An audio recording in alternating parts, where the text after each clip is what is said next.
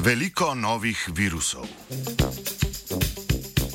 Mednarodna skupina znanstvenikov je s svojim delom naredila velik korak naprej k razumevanju in odkrivanju raznolikosti virusov na našem planetu. Z uporabo novih računalniških orodij so v bazah podatkov odkrili več kot 130 tisoč RNK virusov.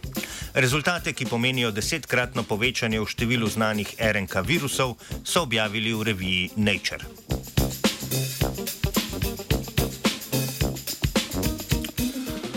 Javno dostopne baze sekvenčnih podatkov so zbirka zaporedi DNK in RNK, pridobljenih iz vzorcev iz vsega sveta. Z vzpostavitvijo računalniške infrastrukture imenovane Seratus so v študiji ponovno analizirali 20 milijonov gigabajtov sekvenčnih podatkov iz približno 6 milijonov bioloških vzorcev.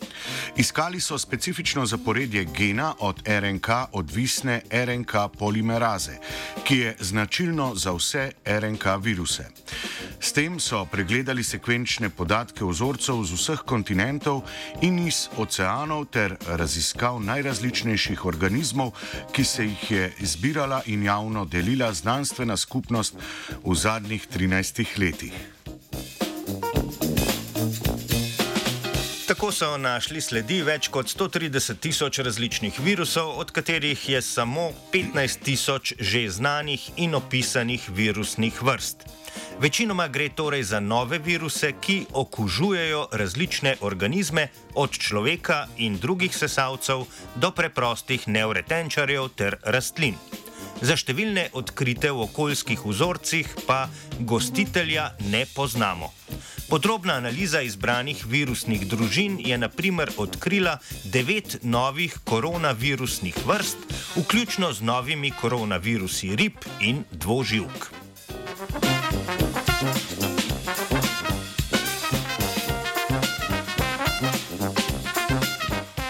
Pomemben del študije je tudi oblikovanje javno dostopne baze, ki vsebuje podatke o novo odkritih virusnih sekvencah. Ti so skupaj z veliko količino značilnosti izvornih vzorcev na voljo vsem, ki želijo poglobiti analize za specifične virusne ali gostiteljske skupine. Prav trenutna pandemija je izpostavila potrebo po hitrem in transparentnem deljenju podatkov znotraj znanstvene skupnosti. Omenjena študija je dober primer uporabe javnih podatkov in deljenja novih rezultatov. Thank you. Odkrivanje novih virusov in razširjanje znanja o njihovi raznolikosti je pomembno za hitro zaznavanje nevarnih patogenih virusov ter njihovega izvora, možnih prenosov na ljudi in s tem pomeni boljšo pripravljenost na prihodnje epidemije.